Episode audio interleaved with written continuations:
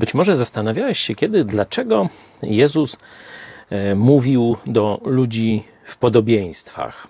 Szerzej można postawić to pytanie, dlaczego Biblia nie jest do końca jasna w niektórych fragmentach, czy nie jest wszystko tak jakoś prosto skatalogizowane, dlaczego e, są jakieś spory wśród chrześcijan, w, w kościołach i tak dalej, i tak. No, uczniowie zadali Jezusowi to pytanie, Ewangelia Mateusza, rozdział 13, Jezus na nie odpowiada.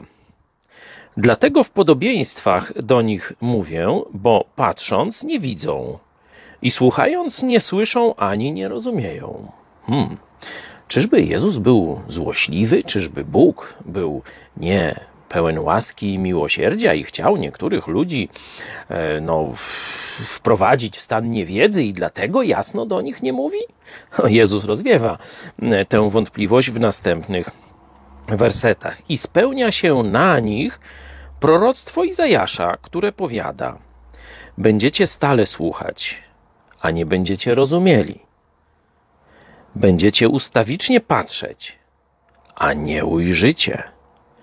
Albowiem, i tu odpowiada, jaki jest problem, jaki być może jest problem Twój lub Twoich bliskich. Albowiem otępiało serce tego ludu. Czyli zobaczcie, to nie Bóg ukrywa prawdę przed ludźmi.